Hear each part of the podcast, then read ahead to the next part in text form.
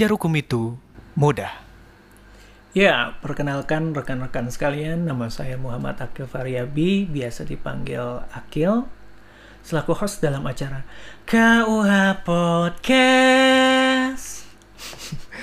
Maaf ya kalau misalnya suaranya kurang bagus. Di sini saya akan membahas terkait dengan topik yang cukup menarik untuk dibahas dalam kondisi saat ini.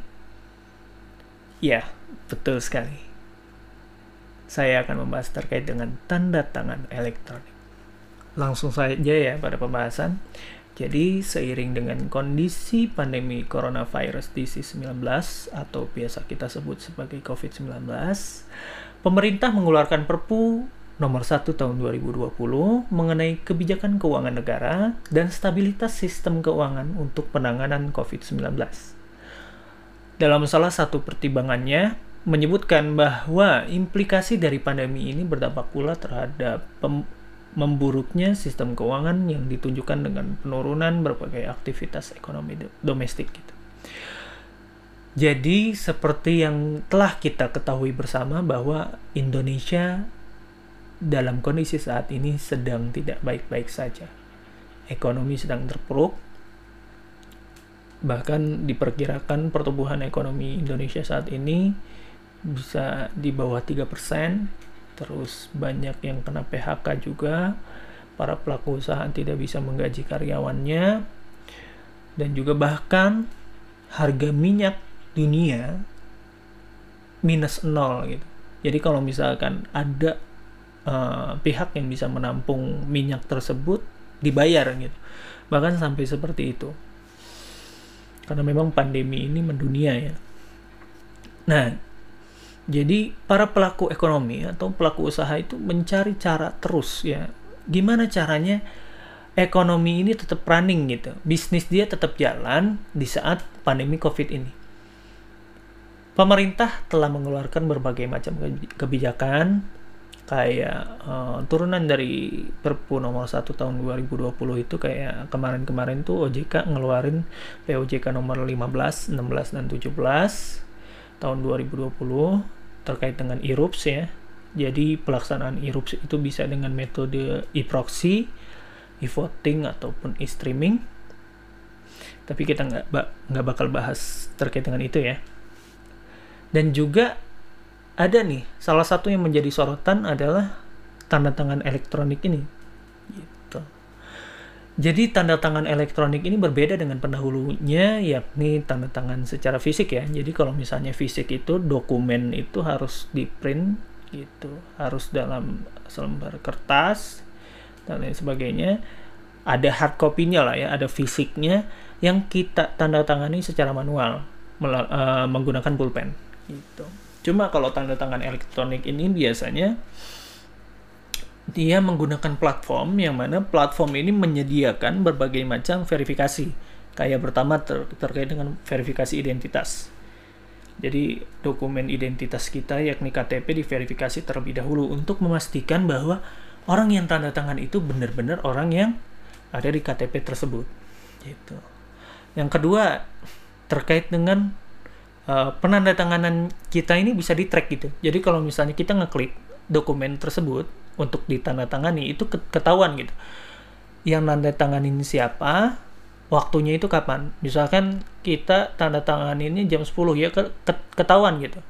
Bahwa uh, Akil misal Akil menandatangani dokumen ini pada jam 10 lewat satu detik itu ketahuan. Tahun berapa tanggal berapa bulan apa itu ketahuan. Gitu. Dengan siapa? Itu enggak bobo di mana juga nggak? Itu kejauhan ya. Itu. Jadi memang itu ke track ya di tanda tangan elektronik itu. Nah jadi tanda tangan elektronik ini terdapat dua definisi ya. Uh, yang pertama terkait dengan penggunaan tanda tangan elektronik mewakili diri sendiri atau biasa disebut juga sebagai e-sign dan mewakili badan hukum atau biasa juga disebut sebagai isil. Jadi sebenarnya dua-duanya ini itu sama yang membedakan hanya subjek hukumnya yang satu uh, perorangan atau diri sendiri bisa uh, yang kedua itu badan usaha atau badan hukum gitu. Jadi kalau misalnya badan hukum namanya isil, kalau misalnya perorangan itu namanya uh, is isign gitu. Secara teknis sih sama. Nah, sebelum bicara lebih lanjut terkait dengan itu, ada pertanyaan dasar yang harus kita jawab dulu. Pertama dengan uh, terkait dengan uh, apakah tanda tangan elektronik telah secara resmi diakui di Indonesia? Jadi ternyata tanda tangan elektronik ini sudah ada lama ya. Bahkan dari tahun 2008 tentang informasi dan transaksi elektronik gitu. Jadi pemerintah itu sudah mengeluarkan UIT itu yang 2008 dan teknisnya ini dijabarkan di dalam peraturan pemerintah nomor 71 tahun 2019 tentang penyelenggaraan sistem dan transaksi elektronik. Nah, tanda tangan elektronik ini sendiri itu terbagi atas dua jenis. Yang pertama terkait dengan tanda tangan elektronik tersertifikasi dan tidak tersertifikasi atau tanpa sertifikasi. Yang tersertifikasi itu maksudnya apa? Yang tadi, jadi dia uh, tanda tangan itu dilakukan melalui penyedia jasa tanda tangan elektronik yang telah tersertifikasi di Indonesia melibatkan kode unik jadi masing-masing orang itu mempunyai kode.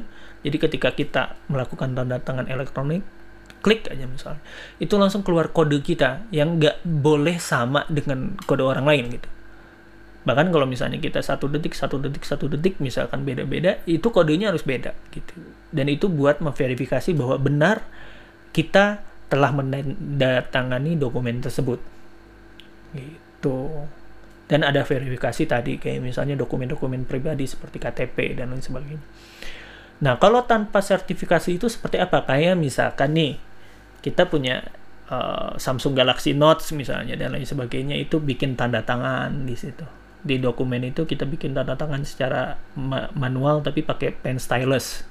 Nah, itu itu namanya tanpa sertifikasi karena tidak melalui penyedia tanda tangan elektronik gitu atau misalnya tanda tangannya lewat PDF signature gitu itu juga sama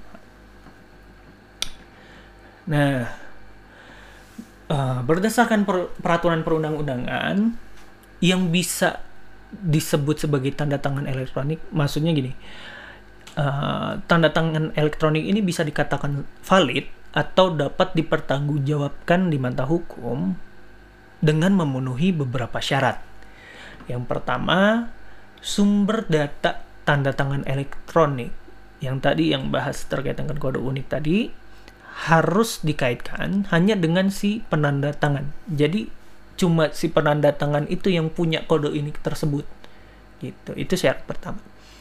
Yang kedua, pada saat penanda tanganan elektronik, sumber data dari tanda tangan elektronik harus berada dalam kepemilikan si penanda tangan. Gitu. Jadi dokumennya harus berada dalam kepemilikan si penanda tangan. Gitu. Setiap perubahan pada tanda tangan elektronik setelah penanda tanganan harus dilacak. Gitu. Harus dapat dilacak maksudnya. Jadi bisa ke track tuh. Setiap perubahan pada informasi elektronik apa pun, misalnya perjanjian, gitu. Setelah penanda tanganan harus dapat dilacak atau di track informasinya. Jadi misalkan ada dokumen A, kita udah tanda tangan terus dokumen A ini direvisi itu. Nah itu harus ketahuan tuh oh direvisinya pada tanggal berapa gitu. Apakah dokumen ini uh, sesuai dengan apa yang kita tanda tangan atau enggak? Kalau udah direvisi berarti harus bisa ke track tuh gitu. Oh ternyata ini sudah ada perubahan nih gitu. Nah itu harus bisa ke track penandatanganan harus dapat diidentifikasi berdasarkan metode tertentu dan juga dapat ditunjukkan bahwa pihak penandatangan telah menyetujui informasi elektronik yang re relevan. Jadi memang dia itu harus uh, bisa diketahui ya, maksudnya dokumen itu harus bisa diketahui bahwa benar-benar dia yang mendatang yang menandatanganinya gitu. Nah itu tuh syarat-syaratnya. Nah, tapi kalau misalnya bicara uh, terkait dengan tanda tangan elektronik ini, kalau misalkan itu tadi terpenuhi, maka tanda tangan elektronik apa pun pada informasi elektronik akan sah secara hukum gitu. Meskipun itu di print out. Jadi kalau misalnya dokumen ini sudah ditandatangani secara elektronik terus itu di print out itu bisa secara uh, hukum sah gitu karena bisa di track tadi. Gitu. Bisa dibuktikan. Nah di sini apakah terdapat batasan terkait dengan penggunaan tanda tangan elektronik? Nah di Indonesia ini masih banyak pembatasan. Ada pembatasan-pembatasan tertentu yang mana dokumen-dokumen ini tidak bisa ditandatangani secara elektronik. Kayak misalnya dokumen-dokumen yang melekat pada perundang-undangan tertentu atau jabatan-jabatan tertentu. Kayak misalnya akta pendirian perusahaan, akta perubahan anggaran dasar, akta pernyataan keputusan pemegang saham dan lain sebagainya yang melekat pada undang-undang jabatan notaris. Gitu. Jadi produk-produk akta yang dikeluarkan oleh notaris harus berhadapan secara fisik dan secara peraturan perundang-undangan itu tidak bisa ditandatangani secara elektronik. Gitu. Akta-akta yang berkaitan dengan tanah dan PPAT itu juga masih belum bisa ditandatangani secara elektronik. Gitu. Nah, cuma dalam kondisi kondisi saat ini gimana nih caranya gitu kalau misalkan kan kita harus physical distancing gitu bisa di uh, bisa dengan memakai opsi uh, surat kuasa. Jadi kalau misalkan ingin pendirian uh, PT atau perubahan anggaran dasar atau uh, pernyataan keputusan pemegang saham secara sirkuler itu uh, itu yang menghadapnya bisa dialihkan melakukan uh, melalui kuasa. Gitu. Misal kuasa ke pegawai notaris dan lain sebagainya untuk menghindari kontak fisik gitu. Nah siapa yang menjadi penyedia layanan tanda tangan elektronik di Indonesia? Jadi di Indonesia ini yang terverifikasi itu uh, saat ini ya saat ini tuh ada enam. Yakni yang pertama terkait uh, Pusat Sertifikasi Elektronik Badan Cyber dan Kode Nasional eh, yang dikeluarkan oleh Badan Cyber dan Sandi Negara, kemudian Perusahaan Umum Percetakan Uang Republik Indonesia atau Perumperuri, Badan Pengkajian dan Penerapan Teknologi, terus uh, eh, PT Privi ID, Digital Identify PT Indonesia, dan PT Solusinet Internusa jadi saat ini yang terdaftar itu baru 6. Gitu. Nah, terus bagaimana jika penandatanganan dilakukan dengan menggunakan penyedia tanda tangan elektronik asing? Kayak di PDF kan ada PDF signature, terus mungkin ada di uh, apa? penyedia layanan tanda tangan elektronik yang servernya bukan di Indonesia gitu di mata hukum gimana nih legalitasnya legal atau enggak gitu Nah, jadi kalau di mata hukum Indonesia bahwa setiap tanda tangan elektronik yang diproduksi oleh penyedia tanda tangan asing dianggap sebagai tanda tangan elektronik tanpa sertifikasi. Gitu. Jadi kalau misalkan kita gimana nih ada uh, pemegang saham asing, pemegang saham asing ingin melakukan tanda tangan elektronik. Misal pemegang saham asing asingnya orang Amerika karena dia ada uh, semacam PSBB gitu ya, uh, pembatasan uh, sosial skala besar, terus dia nggak nggak boleh keluar rumah atau nggak boleh uh, tanda tangan secara fisik dan lain sebagainya, dia bisa pakai penyedia uh, layanan tanda tangan elektronik, tapi yang bersertifikasi di Indonesia. Artinya yang berserver di Indonesia ya tadi yang enam perusahaan tadi gitu itu. Yang baru diakui di Indonesia. Jadi uh, terkait dengan penyedia tanda tangan elektronik tersertifikasi tadi dapat dicek di websitenya Kominfo ya. Jadi uh, http tte.kominfo.go.id itu bisa dibuka. Di situ kita bisa cek kalau misalnya ada dokumen ini benar ada tanda tangan elektroniknya atau enggak itu bisa di situ itu tinggal kita upload dan di situ ada informasinya bahwa telah ditandatangani secara elektronik atau belum. Ya, begitu. Kira-kira kalau misalnya ada pertanyaan lebih lanjut silahkan di kolom komentar. Ya, sekian. Kurang lebihnya mohon maaf.